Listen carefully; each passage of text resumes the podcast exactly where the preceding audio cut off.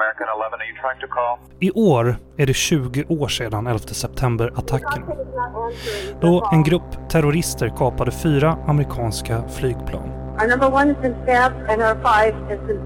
Två av dem flögs rakt in i respektive tvillingtorn av World Trade Center på Manhattan.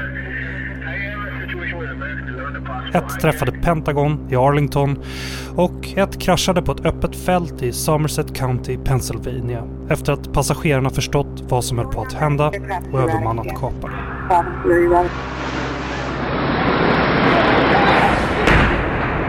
Det var en attack som ingen kunnat föreställa sig.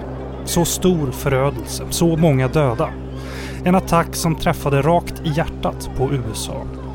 Och som också skickade en signal till resten av västvärlden. Ingen går säker. Svaret blev ett löfte om att hitta de ansvariga.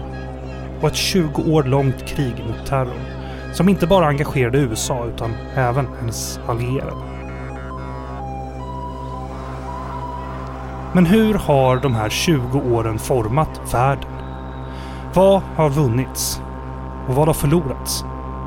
Hur kommer vi minnas kriget mot terror?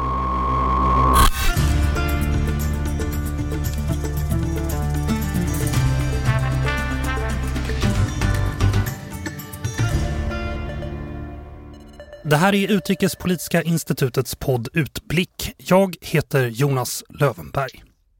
För att hjälpa mig förstå hur 11 september-attackerna format de senaste 20 åren och hur de kommer att fortsätta påverka oss framåt så har jag med mig Bitte Hammargren, associerad senior medarbetare vid US MENA-program, journalist och tidigare Mellanöstern-korrespondent. Välkommen Bitte! Tack! Och på länk hela vägen från Landskrona Anders Persson, universitetslektor vid Linnéuniversitetet där han undervisar om bland annat internationell politik, säkerhet, terrorism och demokratisering. Välkommen Anders! Tack så mycket! Vi ska börja med lite bakgrund här. Så, eh, för att förstå de senaste 20 åren måste vi ju börja ännu tidigare, nämligen med vad som ledde fram till det som hände den 11 september 2001. Så vilka är de viktigaste historiska händelserna man måste känna till för att förstå attackerna den 11 september? Vad var förutsättningarna som gjorde händelsen möjlig? Ja, det, det är mycket att säga här, men jag ska försöka snabbspola genom historien. Och jag måste börja med första världskriget och då får man se hur maktpolitik, geopolitik samspelar med de med inhemska politiska rörelserna. För att första världskriget så är det ju i Mellanöstern, Storbritannien och Frankrike som styckar resterna av Osmanska rikets arabiska delar. De tillsätter ju i många fall härskare, de drar upp gränser över huvudet på befolkningarna där.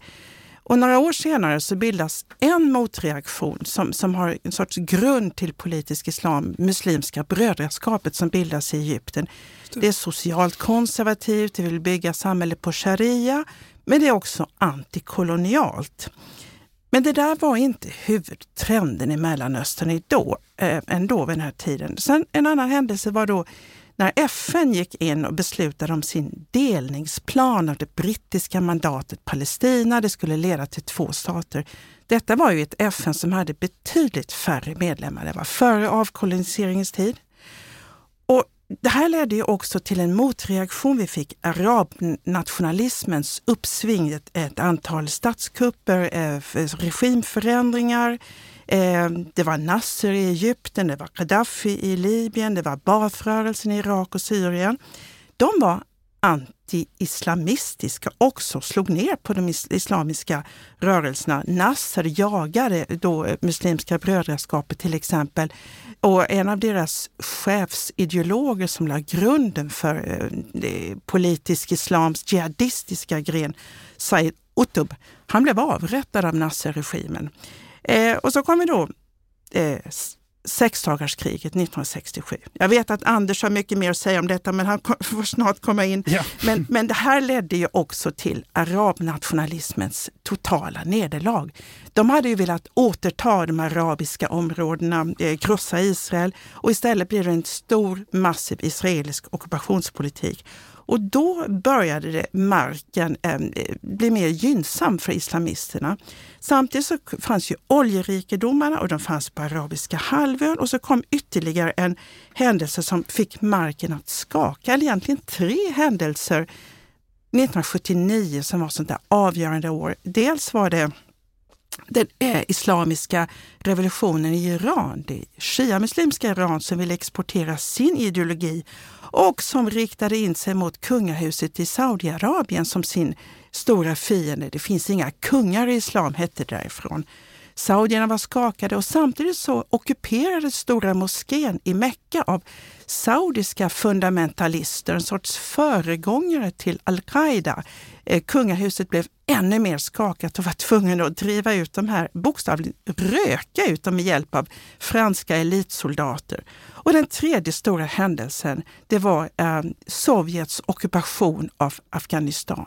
Det här sammanföll på olika sätt och det ledde ju till att Saudiarabien dels bestämde sig för att exportera sin extrema ideologi wahhabismen som var annorlunda än, än Muslimska brödraskapets ideologi, men det sammanflätades ibland. Och så hade vi dels exporten av krigare till eh, Afghanistan och eh, Saudiarabien, Egypten eh, passade på att skicka iväg sina extremister dit också med stöd av Pakistan och faktiskt med stöd av USA vid den här tiden. Vi kommer ihåg hur Reagan stod i Vita huset och tog, tog emot Mujahedin från Afghanistan och kallade dem för frihetskämpar.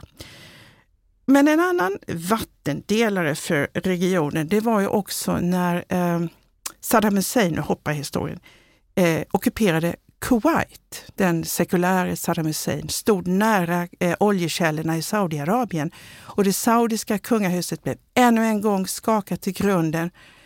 Men istället för att anlita al-Qaidas krigare som hade varit med och bekämpa Sovjetockupanterna i, i eh, eh, eller föregångare till al-Qaida i, i eh, Afghanistan, så öppnar man en luftbro för en halv miljon amerikanska soldater till saudisk mark. Och det där fick en enorm följdverkan. Men jag tänker jag, jag stoppar där för jag vill höra vad Anders säger. Ja, Anders, kan inte du ta vid här?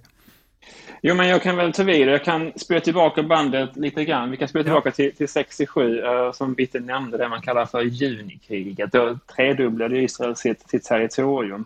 Uh, och, och, precis som Bitte sa så ledde det till döden för liksom, arab nationalism, sekularism, socialdemokrati, socialism i, i breda bemärkelser. Och fler och fler röster sa liksom att, att islam var lösningen.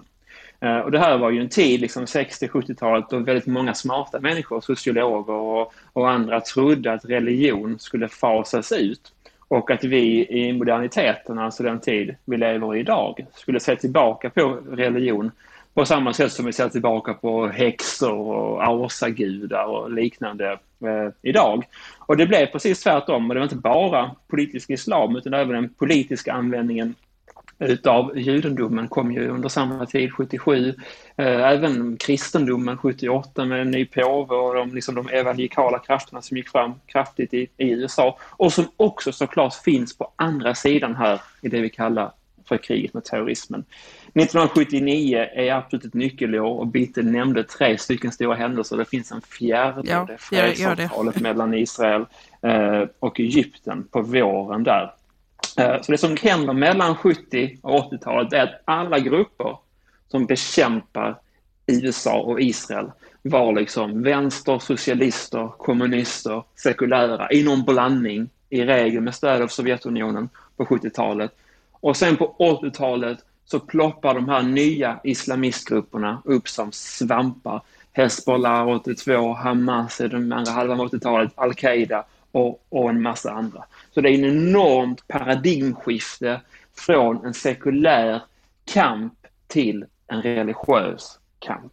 Och om vi sen spolar fram bandet till 90-talet, då har vi liksom koncept med fallerade stater i Afghanistan och Somalia som härbärgerar eh, terroristgrupper som sen använder liksom öppna gränser, globalisering, dålig säkerhet eh, och så vidare för att kunna utföra sina dåd. Så det finns ju en lång historia här med många olika faktorer som bidrar till eh, att 11 september-attacken blev möjlig.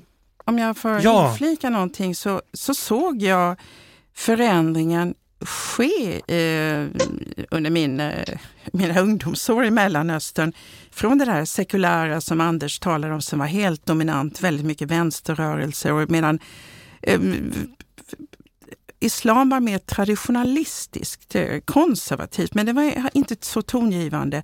Men jag såg förändringen ske i början av 80-talet när just Saudien hade börjat pumpa ut sina pengar för att förändra ideologin. Jag såg det bland eh, på palestinska universitet som jag jobbade då för att eh, då var det plötsligt en ny gruppering av studenter som började klä sig, kvinnorna började klä sig då i, i, i Eh, lång, eh, långklänning, eh, långkappa och, och eh, hijab som de inte hade haft tidigare. Och det här var under inflytande av den saudiska ideologiexporten. Och det skedde med på den tiden med Israels goda minne, för man trodde att det var ett instrument för att bekämpa det sekulära PLO. Och, så, och då är vi i början, slutet av 80-talet och sen 90-talet och sen så kommer vi till 2001. Uh, today we've had a national tragedy. Uh, two airplanes have crashed into the World Trade Center in an apparent terrorist attack on our country. I have spoken to the Vice President, to the Governor of New York, to the Director of the FBI, and have ordered that the full resources of the federal government uh, go to help the victims and their families and, to, and to conduct a full-scale investigation to hunt down and to find those folks who committed this act.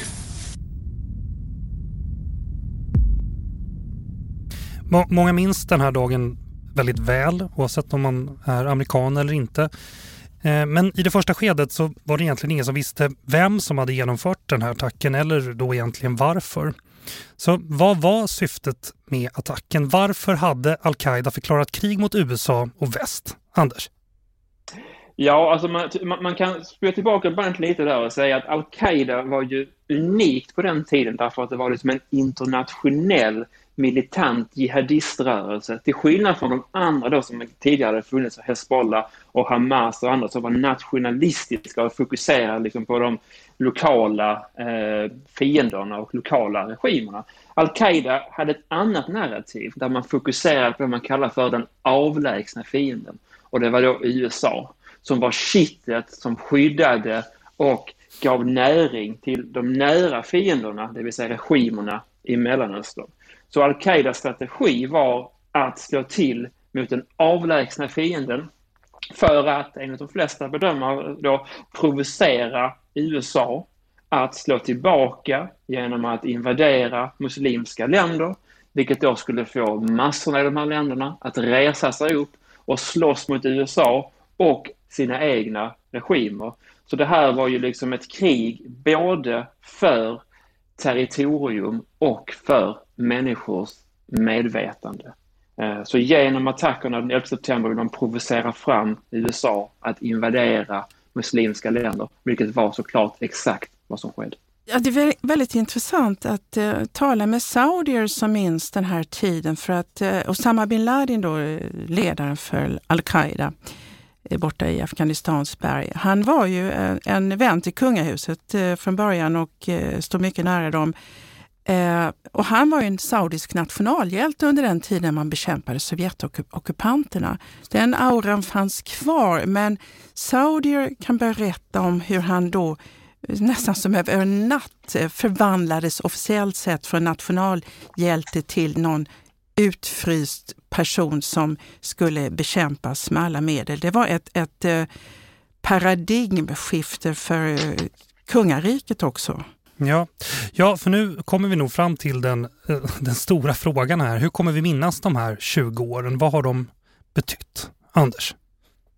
Ja, jag tror att många människor och generationer definieras utav krig. Och, och det är ingen tvekan att, att min generation, jag var 19 år gammal när det skedde, kommer, har absolut definierats av det här. Precis som att mina föräldrars eh, generation definierades utav kalla kriget och mina mor och farföräldrars generation definierades utav andra världskriget eh, och så vidare. Så det är ingen tvekan om att den här perioden kommer att definiera min generation. På samma sätt som att jag tror att, att våra relationer med Kina kommer att definiera mina barns eh, generation.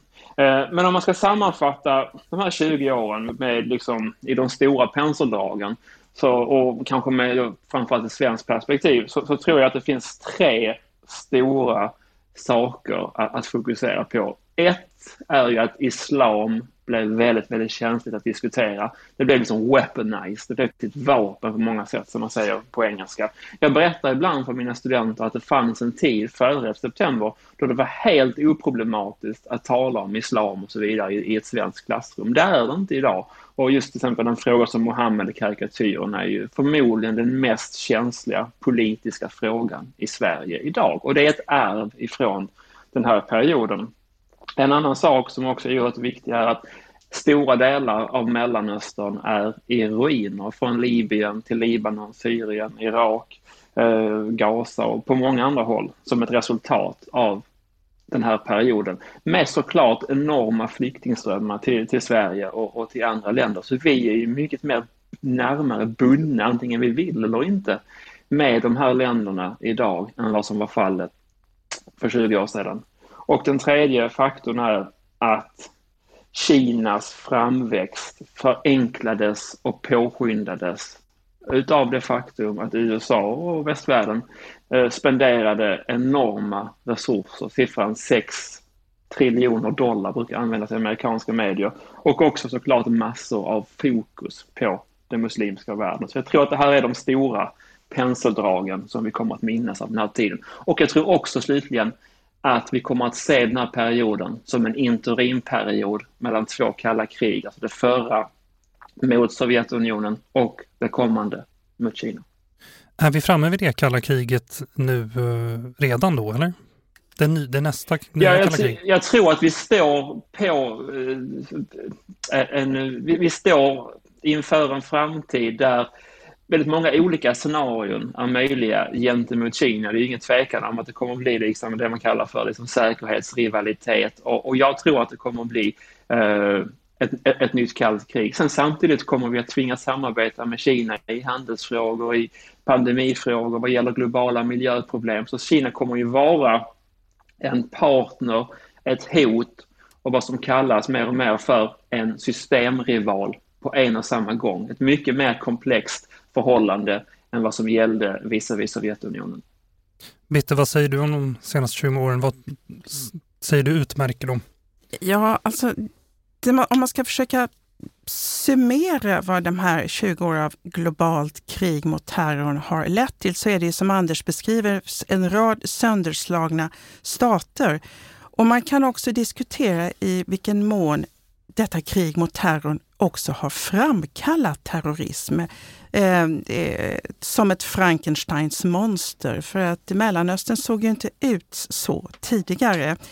Eh, det finns ett universitet i USA, Brown University, som har något som de kallar för Cost of War Project, där de har studerat detta. Och där, enligt deras beräkningar så skulle detta krig mot terrorn ha kostat jag tror när man räknar om trillion så blir det väl biljoner på svenska. Va? Så det blir 8 biljoner dollar eller 8 000 miljarder dollar. Eller med över 900 000 döda, varav nära 400 000 civila. Och de flesta av de här är ju offer i Mellanöstern, Afrika, Asien. USA har dragit in 80 länder i detta krig mot terrorn, eh, krig som bara fortsätter. Till en stor del i Afrika också. Jag tror vi måste ha blick på detta. Och precis som Anders säger så har ju det försvagat USAs kamp mot Kina. Jag tycker också intressant att se eh, amerikanska tänkare som eh, som eh, också pekar på hur eh, USAs metoder att eh, bekämpa terrorn med odemokratiska metoder, med hemliga häkten, med tortyr mm. och så vidare, hur det har korrumperat de västerländska idealen och i sin tur skapat fler fiender. Om vi tänker oss alla liksom felriktade attacker från luften, alla bröllop som har bombats i Afghanistan under åren. Hur många eh, talibansympatisörer kan det ha skapat? Och så har vi också korruption. Jag tror att vi i väst glömmer vad korruptionen leder till eh, när vi från västsidan har försökt så att säga, bygga nationer som ju sen visar sig falla som ett kort korthus mm. eftersom de bygger på korrupt grund. Det där är jättetunga, svåra lärdomar. Eh, och sen så kan man ju säga att, eh, att, att vår mentalitet har ju förändrats också på ett annat sätt i våra egna länder. Som Anders säger, det är väldigt känsligt att diskutera islam. Samtidigt har vi fått en högerextremism som vi inte kände tidigare. Vit maktrörelser, en, en främlingsfientlighet som har ökat och enorma flyktingströmmar i världen. Jag kommer ihåg bara för några år sedan när jag satt med, med UNHCR i eh, Jordanien i början av den syriska flyktingkrisen. Då talade man om 40 miljoner flyktingar i världen. Nu talar man om nära 80 miljoner flyktingar i världen. Ja. Och det är klart att allt beror inte på kriget mot terrorismen, men en stor del gör det. Vi har andra, annan problematik med klimatförändringar, men det där sammanflätas ju och det liksom påverkar vartannat. Hur kommer vi se på det globala kriget mot terrorn då? Att kriga? Bitte. Ja, det, eh, det är ju väldigt tydligt att stater idag eh, är väldigt känsliga för egna förluster. Man vill mm. inte ha hem sina egna soldater i, i zinkkistor. Och det gäller ju inte bara för USA. Det är väldigt tydligt när man lyssnar på Bidens tal. Han liksom poängterar vad kriget har kostat. Han talar om att det är 18 eh, veteraner i USA som tar livet av sig, som begår självmord varje dag. Eh, som ett exempel, ett mått på vad det kostar. Jag måste bara, du menar Bidens tal som han höll i samband med uttåget från Exakt, Afghanistan? Exakt, det är ett ja. väldigt viktigt ja. tal. Och där han också talar om att vi ska inte syssla med counterinsurgency, nu det ska vara counterterrorism bara. På svenska tycker inte jag att vi har ett riktigt bra begrepp för counterinsurgency, för det är ju att bekämpa våldsamma rörelser som dock har en folklig förankring och det visar sig ju då leda till det eviga kriget som blir resultatlöst som i Afghanistan. Eh, så att dels har vi det här med att stater är känsliga för egna förluster. Det gäller även Ryssland. Ryssland skickar idag legosoldater till Libyen, inte egna soldater. Det är ett exempel. Turkiet skickar syriska legosoldater till olika fronter. Och sen har vi också förändringen att, att eh, krigföringen från, från västs sida och även Turkiets, många andra staters sida, sker ju då med hjälp av drönare eh, där man inte har markkontakt eller med AI, eh, artificiell intelligens. Och då kommer också hela frågan om, om, eh, om det kommer bli mer fall med eh, oavsiktligt civilt, eh, civila offer vid olika eh, attacker.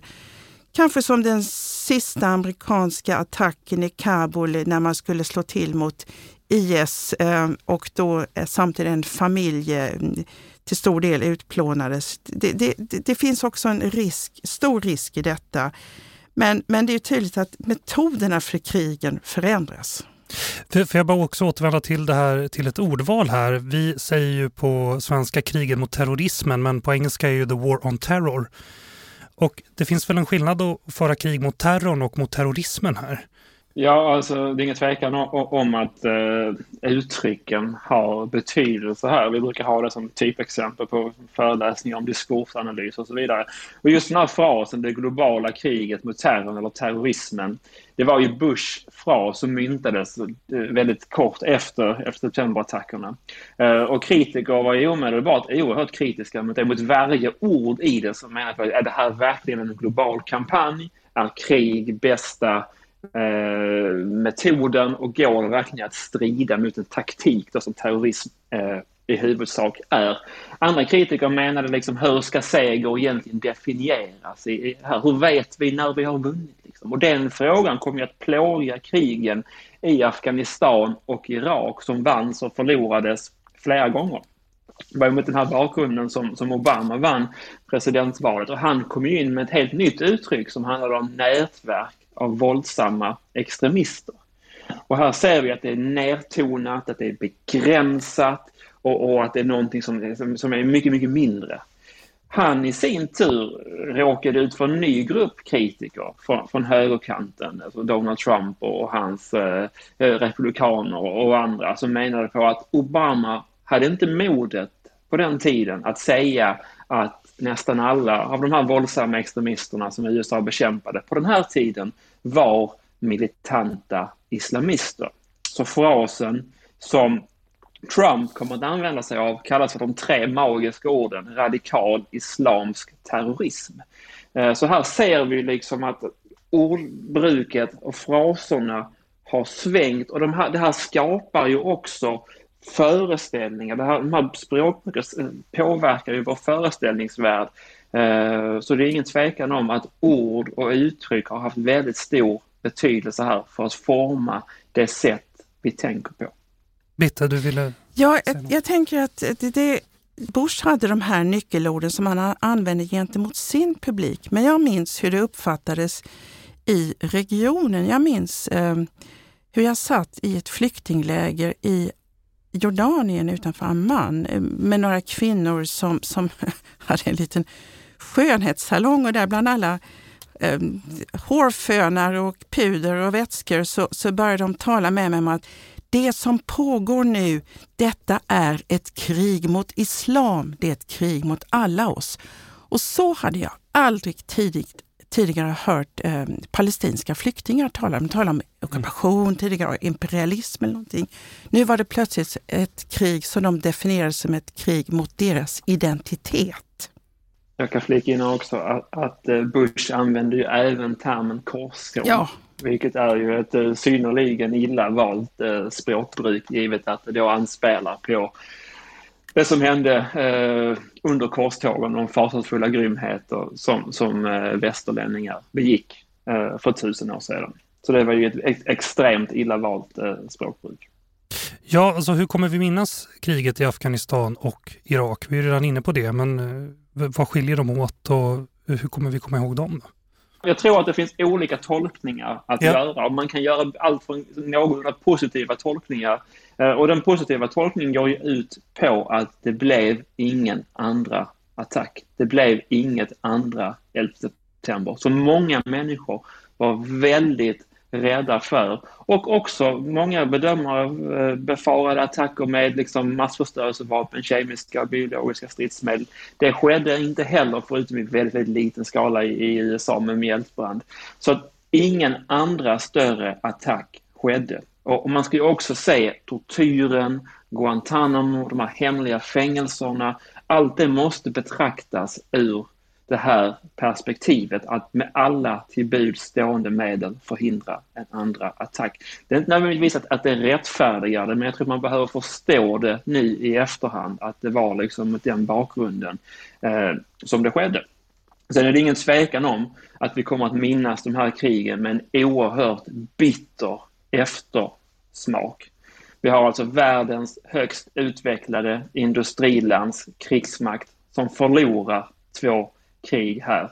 Eh, väldigt, väldigt, båda krigen är, är utmärkta, utmärkta exempel som visar på begränsningar med att använda militärt våld, särskilt när det inte backas upp utav en politisk strategi. Och det är det som saknas här. Vi har ingen politisk strategi för att till exempel sprida demokrati till Irak eller Afghanistan eller införa någon typ utav fungerande styre, så vitt jag kan se det. Också exempel på hur low-tech vapen, som till exempel det främsta vapnet som användes i, i, i Irak var liksom hemmagjorda bomber av spräng, granater från andra världskriget och timers till eh, tvättmaskiner och mikrovågsugnar. Som, som då fick, återigen, världens högst utvecklade industrilands krigsmakt att gå på knäna. Så det visar ju liksom hur, hur gerillakrig fungerar även i, i, i modern tid. En, bara om vi, en fråga om Afghanistan här. Det, det, initialt de första åren där så fick man väl lite ordning på Afghanistan då i de här ansträngningarna och sen när man gav upp fokus eh, där och gick in i Irak istället så tappade, tappade man bort Afghanistan. Eh, hur, hur gick det till?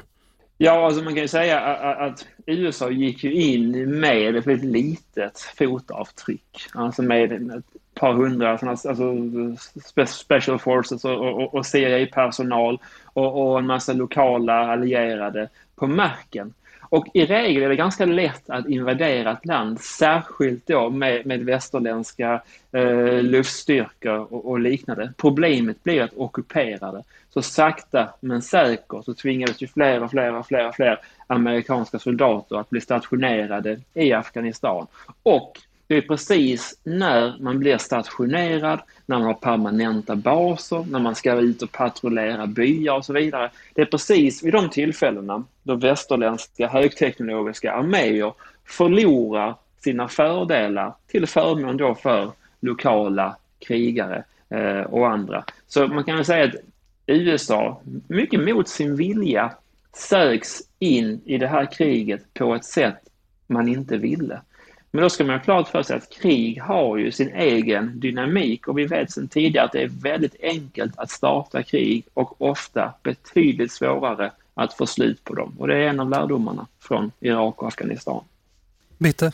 Och sen kan man ju inte eh, låta bli att eh, göra tankeexperimentet vad de här enorma eh, beloppen som används i kriget mot terrorismen, eh, vilken eh, nytta de kunde ha gjort om de används på ett annat sätt. Tänk er eh, eh, belopp som hade öst in för forskning, utbildning, kultur, infrastrukturuppbyggnad och så vidare. För problemet för länderna i den region vi talar om är att de producerar ju väldigt lite utöver olja och fossila bränslen. Och där har vi också ett paradigmskifte för, för, från dem i och med att vi är på väg mot en stor energiomställning. Än så länge är Kina oljetörstigt och Asien, men, men även det kommer ju förändras över tid. Jag sysslar ju med eh, demokratiforskning som ja. en av de sakerna som jag håller på med. Och där ser man ju att om man tittar tillbaka på de här 20 åren mellan 01 och, och, och 21 och på Mellanöstern så är det ju bara Tunisien som gjort meningsfulla framsteg mot demokrati, även om, om den, de äventyras just nu i samband med eh, den senaste utvecklingen där. Men i alla andra länder, alltså ett 20-tal länder, så har utvecklingen antingen gått bakåt eller stagnerat eller gjort minimala framsteg. Men menar ni att det här också hänger ihop med det över, överlag politiska läget som har rått de senaste 20 åren på grund av det här kriget? Hur hänger det ihop? Ja, absolut. Delvis. Eh, eh, jag menar det faktum att eh, länder är, befinner sig i krig eller är i ruiner är ju absolut inte fördelaktigt för, för, för eh, varken demokratiutveckling eller politisk eller ekonomisk utveckling. Även om det kan finnas initialt positiva effekter av att en diktator störtas och länder öppnas upp, som vi såg initialt i Libyen och Irak och på andra håll. Men det leder ju ofta till kaos, och anarki och inbördeskrig och en massa, massa annat elände. Bitte. Nej, och samtidigt har vi en annan effekt som, som ehm, eh, slår tillbaka mot väst. För att vi har ju då eh, försökt eh, i vissa fall eh, kompensera krigen mot terrorism genom att för, eh, stödja krafter som vi har sett som viktiga förändringsagenter, kvinnorättsaktivister, demokratiaktivister och så vidare. Men eh, som i fallet Afghanistan så, så står ju de eh, ofta utan skydd när den stora vändningen kommer och det kan ju uppfattas som det stora sveket också. Att, att ingjuta förhoppningar hos människor som man sen inte kan stå upp för när det verkligen blåser, det är också farligt. Ja, det är väl kanske något vi ser nu just i Afghanistan. Men vi ska komma till det. Vi har ju pratat om eh, president Bidens tal som han höll i samband med tillbakadragandet av trupper från Afghanistan häromveckan nu när vi sitter i studion. Och, eh, det är något vi ska strax prata mer om. Men han sa även något om den här typen av intervention som man har ägnat sig åt i Afghanistan och Irak. Så här lät det. This decision about Afghanistan is not just about Afghanistan. It's about ending an era of major military operations to remake other countries. We saw a mission of counterterrorism in Afghanistan, getting the terrorists and stopping attacks, morph into a counterinsurgency, nation building, trying to create a democratic, cohesive, and united Afghanistan, something that has never been done over many centuries of Afghan's history. Ja, du, du, det var ju det här du var inne på nyss, Bitt, eller hur? Men, vad, tror, vad, vad, tror ni, kommer den här typen av militära eh, interventioner då någonsin att användas igen? Den storskaliga varianten. Bitt, vad tror du? Alltså om det sker en, en ett attentat i ja, storleksordningen 11 september som, som slår mot, mot hjärtpunkten mot ett, ett, eh, ett, en stor militärmakt så måste denna makt svara på något sätt. Men mm men jag tror inte med de här eh, eh invasionspolitiken, eh, tror jag, eller inv invasionsstrategin som vi talat om tidigare, den, den tror jag eh, kommer att ifrågasättas samtidigt som vi har militärindustriella komplex som har tjänat på detta. Mm. Vi ska inte glömma bort de intressena som också finns. Eh, men, men jag tycker att man i Biden-doktrinen som han ger uttryck för kan liksom översätta den på något sätt att man får acceptera världen så som den är med de maktförhållanden som råder, bara man kan fokusera på sitt eget. Och där är ju, detta är ju hans America first. Det mm. går ju en linje från Obama via Trump till Biden när det gäller detta att fokusera inåt och backa hem. V vad säger du Andersson, är det slut på den här typen av invasionskrig då? Får vi kalla det kanske? På kort sikt, ja. Det är absolut att det här är ju någonting som är oerhört impopulärt för tillfället. Sen samtidigt om man ser på lite längre sikt, om man går tillbaka till exempel till Vietnamkriget och efterdyningarna av det, Mm. Så såg vi ju liknande tongångar då och vi såg liksom en ovilja att intervenera sen på 80-talet i Granada och även om det skedde så, så, så, så skedde det med, liksom, med, med, med, en ovilja och en rädsla för att liksom, dras in i en massa elände vilket skedde i Libanon eh, för USA under, under samma tid. Sen på 90-talet så fick USA, vad ska man kalla, en rad framgångar med lättare eh, interventioner i Irak, i Bosnien och Kosovo som på det stora hela betraktades som framgångsrika. Så det skapade ju den här hybrisen, det här unilaterala ögonblicket med Sovjetunionens fall och USA som den enda kvarvarande supermakten. Det gjorde ju att Bush-administrationen trodde att det här skulle bli enkelt både i Afghanistan och Irak. Och det är ju den lärdomen som vi har dragit att det inte är enkelt. Plus också att det unilaterala ögonblicket inte finns kvar längre. Delvis som en följd utav kriget mot terrorismen.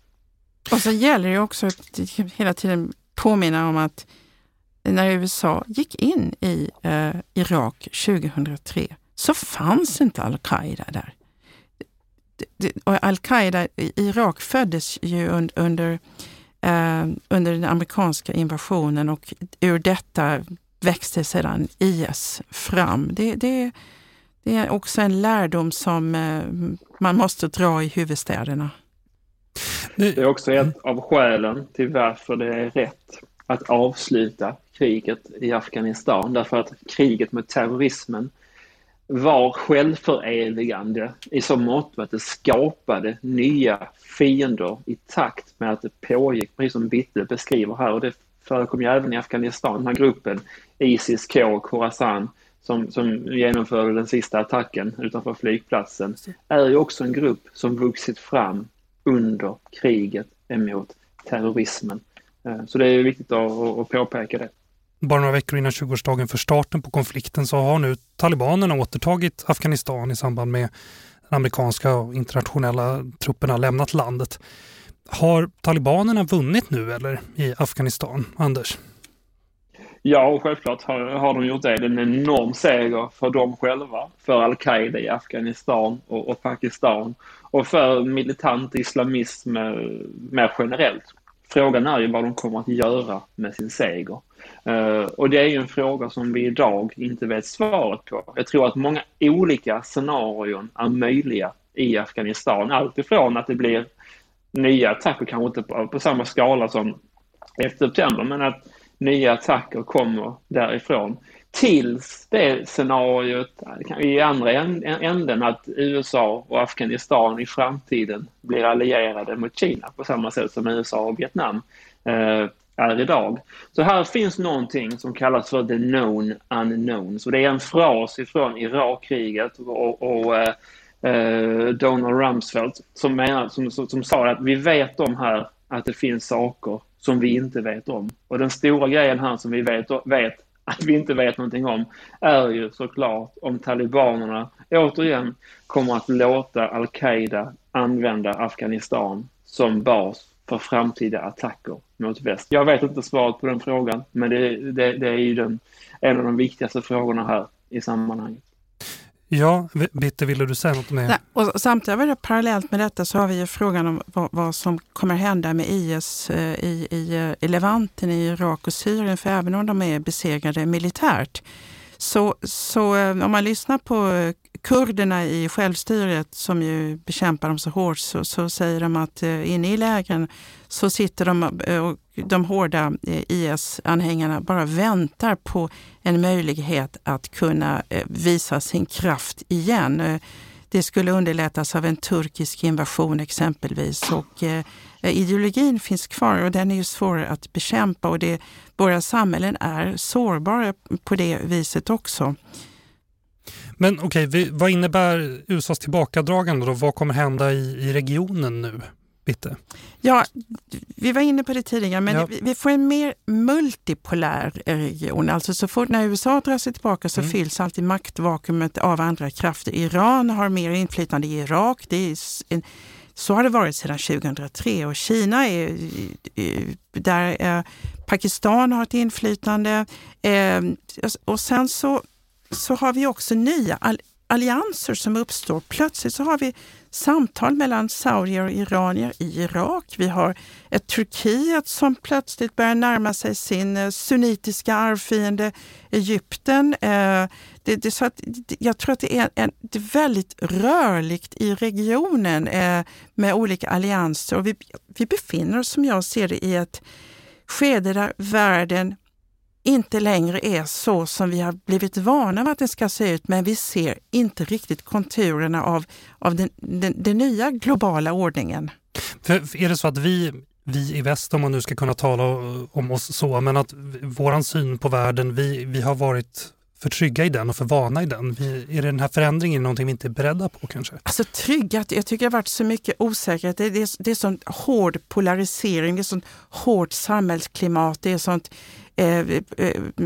ett tonläge där jag inte känner igen mig från, från mm. hur när jag var ung. Så jag vill inte säga att jag känner mig trygg i det, men jag tror att det finns en, en möjlighet här nu för, för eh, USA och västländer att fokusera på andra frågor som klimatkrisen exempelvis, på att, eh, att skapa en sorts eh, lugn. Men till detta behövs ju också en, en frågan om hur de olika nya militärallianserna ska lösas ut för Europas del till exempel. Om man inte har, vet att man har USA alltid i ryggen, och så är det kanske just nu, mm. så kommer det påverka europeisk försvarspolitik enormt mycket.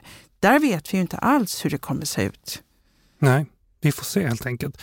Vi, eh, vi måste börja närma oss de sista frågorna. Avslutningsvis då, om vi tittar framåt. Vad, vad blir arvet efter de här 20 åren?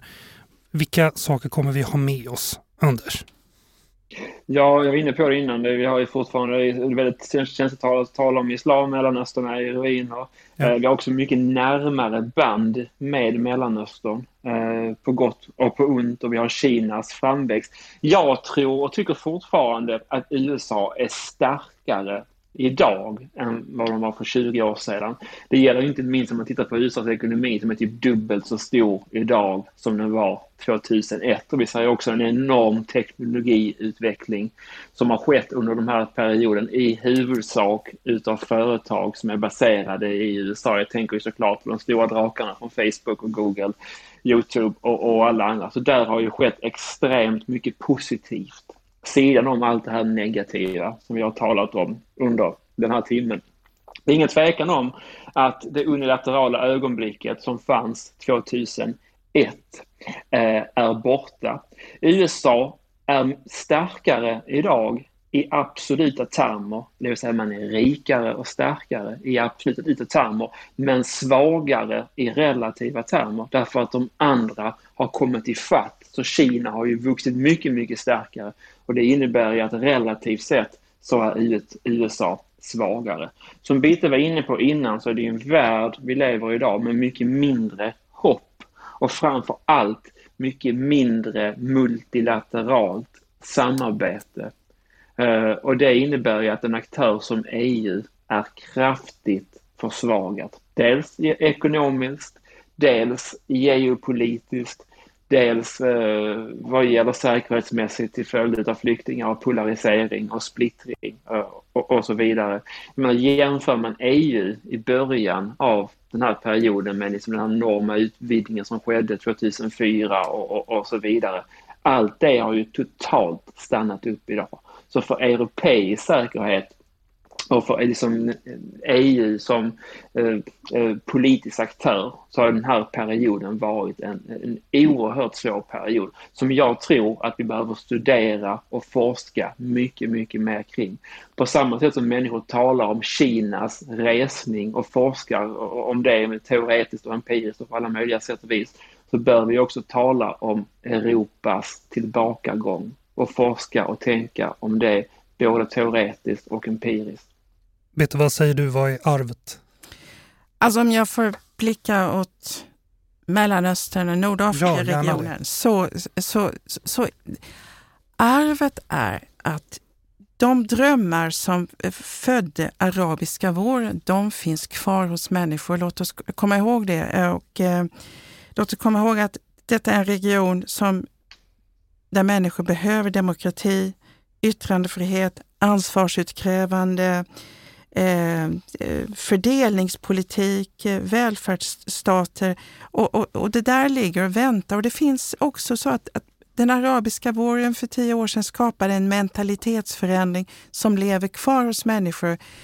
Men de kan inte vänta på, och det gör de inte heller, på interventioner ifrån våra länder. Utan västvärlden måste också lära sig av, av sina misstag i Irak, Afghanistan och Libyen. Då måste jag också fråga då till sist, vad är nästa stora händelse som eh, vi kan koppla till de här 20 åren av kriget mot terrorn? Ja, men det är det som, som Anders var inne på, alltså det vi inte ser framför oss. För alla de riktigt stora eh, förändringarna i världen, det är sånt som vi inte har kunnat förutspå. Skottet i Sarajevo eller murens fall eller 11 september. Så nästa stora händelse, det är något sånt som vi inte kan förutse just nu. Sen har vi alla de där liksom kända eh, eh små förändringarna. Så att jag, jag är tvungen att passa på den frågan, men jag undrar vad Anders säger. Ja, vad säger du Anders? Ja, men jag kan hålla med Bitte där att väldigt många gånger i, i, i världshistorien så blir man ju förvånad när de stora händelserna sker. Jag menar, vi har ju sett ett par sådana under den här 20-årsperioden. 11 eh, september var ju en enorm chock. Finanskrisen var en enorm chock den arabiska våren var det åtminstone liksom på det sättet den skedde. Eh, och såklart pandemin nu och, och, och, och, så vidare. Eh, så vi ska absolut vara öppna för att den typen av händelser med all sannolikhet lär ske eh, i framtiden också. Eh, det är såklart väldigt svårt att göra eh, prediktioner om framtiden men i vissa fall så är ju framtiden redan här. Och Kinas resning är ju Eh, en sådan typ av utveckling som förefaller vara irreversibel, alltså liksom, det förefaller vara givet. Och där, det är också intressant, för vi har ju talat om Mellanöstern, alltså vad kommer att hända med Mellanöstern i det här framtida kalla kriget som jag tror mellan USA Eh, och Kina? Kommer Mellanöstern att glömmas bort? Kommer att konflikter som Israel-Palestina och andra bli mindre viktiga? Här är till exempel Saudiarabiens roll väldigt, väldigt intressant. Många bedömare förstår inte riktigt vad det som relationen mellan USA och Saudiarabien egentligen handlar om. handlar ju absolut om olja och motköp och så vidare. Men Saudiarabiens olja var aldrig särskilt viktigt för att köra amerikanska bilar. Men den var oerhört viktig för att bygga upp Tyskland och Japan efter andra världskriget. Det var såklart nationella säkerhetsstrategier i USA att göra det under det kalla kriget. Idag är oljan i Saudiarabien oerhört viktig för att balansera Kina. Så USAs relationer med Saudiarabien, även om de har försämrats och även om de är problematiska, precis som Bitte sa, är de oerhört viktiga därför att vid en framtida konflikt mellan USA och Kina, så med all sannolikhet kommer USA att skära av oljeförbindelserna. Det är Kinas största strategiska svaghet, att man är beroende av eh, att importera bränsle. Och i det ljuset är ju Mellanöstern fortfarande viktigt. Peter, förlåt, du, du ville säga något mer om det här? Ja, kanske vi kan eh, få mer ljus riktat på, på eh, relationen mellan USA och Saudiarabien när nu Biden har lovat att han ska häva hemligstämpeln på dokument kring 11 september. För det, det finns ju en grupp anhöriga i USA, efterlevande till de som dödades vid eh, terrorattentaten som har stämt den saudiska staten och som misstänker inblandning ifrån höga statstjänstemän. Bitta Hammargren, associerad senior medarbetare vid UIs MENA-program. Anders Persson, universitetslektor vid Linnéuniversitetet. Tack för att ni kunde vara med. Jättekul att ha er här. Tack för att vi fick vara med. Ja, det är såklart. Du har lyssnat på Utblick, Utrikespolitiska institutets podd. Om du är intresserad av att höra mer om 11 september-attackerna och vad de haft för inverkan på världen så tycker jag att du ska leta reda på det webbinarium som UI nyligen höll på temat. Du hittar det där du även kan läsa mer om institutets forskning och omvärldsbevakning, nämligen på ui.se. Tekniken sköttes idag av Kristoffer Fabes. Vår vignett är komponerad av Frid en Frid. Jag heter Jonas Lövenberg. På återhörande.